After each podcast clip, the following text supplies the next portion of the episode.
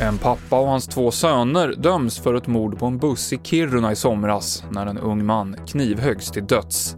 Enligt tingsrätten så har brottet ett hedersmotiv. Pappan får livstidsfängelse och sönerna, som är 17 och 15 år gamla, döms till sluten ungdomsvård. Läget för den svenska intensivvården är väldigt ansträngd på flera håll. I Stockholm så var 99% av IVA-platserna fyllda i veckan och det är svårt att öka antalet platser eftersom personalen är slutkörd, säger Sten Rubensson som är stabsläkare på Socialstyrelsen till Dagens Medicin.